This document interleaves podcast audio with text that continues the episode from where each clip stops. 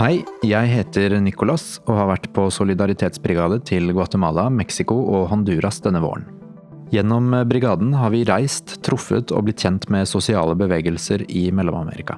Vi har pratet med kvinner som kjemper for land, for rettferdighet og likeverd, for respekt og for en likeverdig plass i samfunnet. Overalt har vi i brigaden tatt med oss mikrofon og et stort spørsmål. Hva er feminisme i Mellom-Amerika? Vi inviterer deg som lytter til å bli med på reisen vår i å besvare dette enkle, men samtidig komplekse spørsmålet. Men aller først skal du få litt kontekst.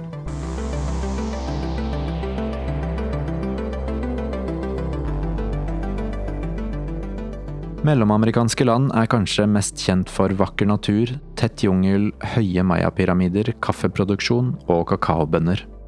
Men disse landene er også kjent for å være preget av stor ulikhet mellom folk, diskriminering, korrupsjon, vold og drap på kvinner, menneskerettsforkjempere og aktivister. En trend som viser den eksplisitte volden som rammer kvinner, er den høye statistikken for drap på nettopp kvinner. Feminicidios er en betegnelse for drap på jenter og kvinner kun fordi de er kvinner.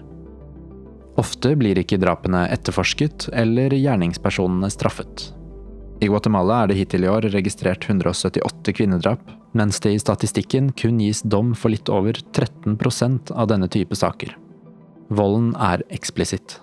Men vold mot kvinner er også implisitt og systematisk. Jenter får statistisk sett barn tidlig og går glipp av skolegang, og deres representasjon i politikken er mager. Vi kan ta sommerens valg i Guatemala som eksempel. Selv om det ble valgt inn flere kvinner i Kongressen enn noen gang tidligere, ble det klart at kun 31 av Kongressens 160 folkevalgte kommer til å være kvinner i neste periode. I de mellomamerikanske landene er det også en tendens til å vedta nye lover som svekker kvinners rettigheter over egen kropp, gjennom kriminalisering av abort. Dette skal vi komme tilbake til. Så, i denne konteksten spør vi hva er feminisme i Mellom-Amerika?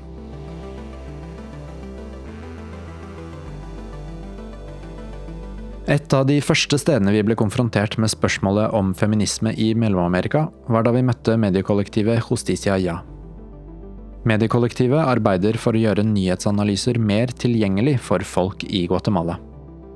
Vi spurte kollektivet om hva de tenkte om ordene feminist, og om hva det betyr for dem. Entonces, de plano me están insultando en su forma de ver las cosas. ¿va? Folk har kalt meg radikal feminist for å fornærme meg. Hva er det dette sier meg? For andre er ordet feminist en fornærmelse. De vil kalle meg noe negativt, og de sier Men hun er jo radikal feminist. De fornærmer meg på sin måte. Jeg antar at det kan sammenlignes med den som kalte oss feminazis, som jo også skjer i massevis.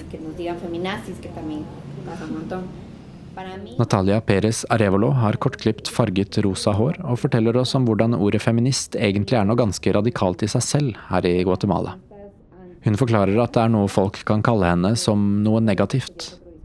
Men selv synes hun ikke at det er noe dumt. Hun blir stolt. Para muchos de la sociedad en Guatemala es un insulto. I Guatemala by møter vi også andre kvinner som jobber med feminismetematikken hver dag. En av dem er hiphop-artisten Gabriela Bolten. Hun er medlem av hiphop-kollektivet Collectiva Urbana, som oppsto som et samarbeid mellom flere kvinnelige rappere i Guatemala.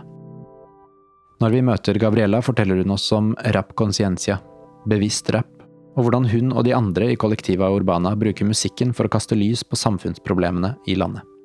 Vi spør henne om hvorfor det er behov for feminisme i Guatemala. Bueno, la situación de las mujeres en Guatemala es muy compleja. Situasjonen for kvinner i Guatemala er veldig komplisert, og framfor alt i de områdene på bygda. I de urbane områdene så finnes det allerede litt større likheter og muligheter. Det finnes kvinner som studerer, og kvinner som jobber. Men på landsbygda, og hvor større ulikheter markerer seg, er kvinner fortsatt omringet av en machisme i sine hverdagslige og politiske liv. Dette er en machisme som er betalt av de transnasjonale selskapene og staten.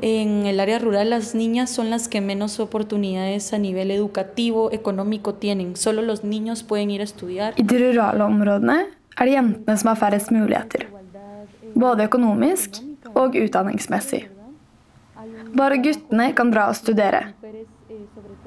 Det finnes også en økonomisk ulikhet hvor kvinners arbeid ikke er anerkjent, og framfor alt urfolkskvinner, som er ansvarlige for husarbeid, barnepass, oppdragelse og videreføring av det lokale språket. Det finnes ingen omsorg for disse kvinnene, verken fra staten eller selskapene. I tillegg så er det disse kvinnene som beskytter territoriet fra de transnasjonale selskapene. Det er de som leder motstanden og organiserer seg for at de ikke skal kutte vannet, og for at gruvedriften ikke kommer og forurenser deres territorier.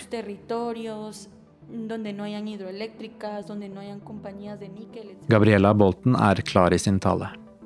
Jeg begynner å forstå at det ikke bare er behov for feminisme, men at det også er mye feminisme i praksis. Kvinnene står opp. De kjemper.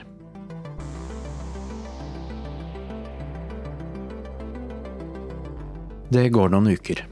Vi skal møte kongresskvinnen Sandra Moran, og vi forstår raskt at hun er et forbilde og en forkjemper for kvinners rettigheter i Guatemala. Når vi møter henne, er hun representant i den guatemalanske kongressen for partiet Convergencia. Hun har med seg to assistenter som løper rundt og tar notater og filmer henne. Og de gir oss en presis time til å prate. Sandra har dårlig tid, som politikere flest, men kanskje ekstra dårlig tid fordi den politiske situasjonen i landet er presset. Det ligger nemlig et lovforslag oppe til høring ved navn 5272 som skal kriminalisere all form for abort i landet. Vi har fra før sett Sandra Moran komme ut og hilse og heie på aktivistene som demonstrerer mot antiabortloven utenfor Kongressen. Vi har sett Sandra juble og takke aktivistene for deres mot. Nå sitter vi på enerom med henne, en av få som kjemper for kvinners rettigheter inne i kongressalen. Hun forteller oss at hun håper at loven ikke blir godkjent av Kongressen, selv om det er en reell fare for at loven passerer. Entonces tengo que prepararme para el miércoles para hacer una batalla muy fuerte dentro del Congreso. Vi spør Sandra Moran hva kvinner i Guatemala kjemper mot. Eh. Først og fremst så kjemper vi mot et helt system. Et system som vi kaller for patriarkalsk, kolonistisk, kapitalistisk og neoliberalt. Dette er et historisk konstruert system, og dette systemet har skapt et verdensbilde og et regelverk. Det er derfor nødvendig å transformere, svekke og generere nye visjoner i verden. Generando las nuevas visiones del mundo y normativas que permita entonces una mejor relación. Det går flere uker og dager. En dag sitter vi på et møte med kvinnebevegelsen Conavigua oppe i fjellandsbyen Choco-Onop i Quiché-regionen i Guatemala. Workshopen vi er på handler egentlig om planlegging av et alternativt marked der kvinnene kan selge frukt og grønnsaker fra kjøkkenhagene sine på et marked de selv organiserer. Men når det kommer inn representanter fra et politisk parti på kvinnemøtet, blir stemningen stram. En gruppe på fem–seks menn står plutselig foran kvinneforsamlingen og forteller dem om viktigheten av kvinners deltakelse i politikken. En av de yngre i publikummet, Esmeralda, reiser seg for å stille spørsmål. Hun spør partirepresentantene om hvordan de kan stå foran så mange kvinner og snakke om kvinners deltakelse uten å la en kvinne være med på å representere dem. Hvordan de kan stå og snakke om inkludering av kvinner uten selv å inkludere en kvinne på laget.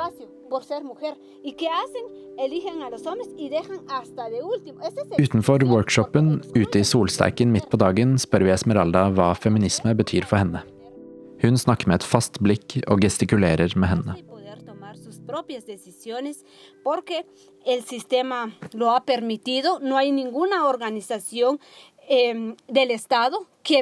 por I systemet som tillates, finnes det ikke en statlig organ som ser, respekterer eller beskytter de grunnlovsbestemte rettighetene i Guatemala som kvinnene er statsborgere av.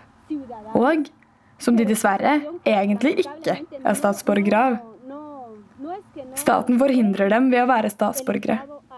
Derfor har andre organisasjoner satt i gang arbeidet med å la kvinner delta. De kan snakke om politisk deltakelse i mange former for at kvinnene kan utvikle seg.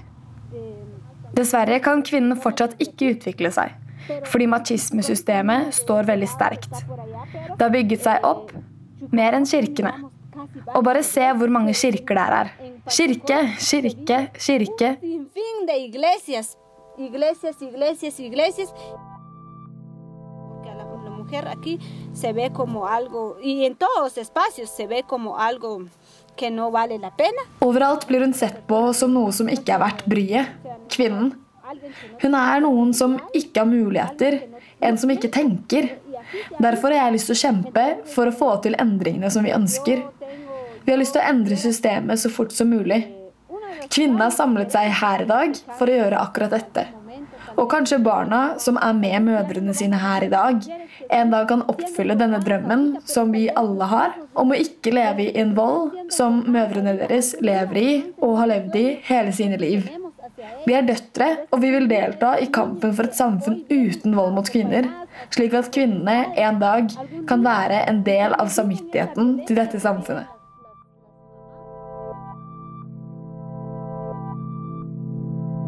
Og med mange nye svar på hva feminisme er i Mellom-Amerika, vender vi ansiktet hjemover. Feminisme i Guatemala er en radikal term i seg selv, og den er i utvikling i et land som er på vei i revers. Der kvinners rettigheter forsøkes å undertrykkes, og der volden er eksplisitt og implisitt rettet mot spesielt kvinner.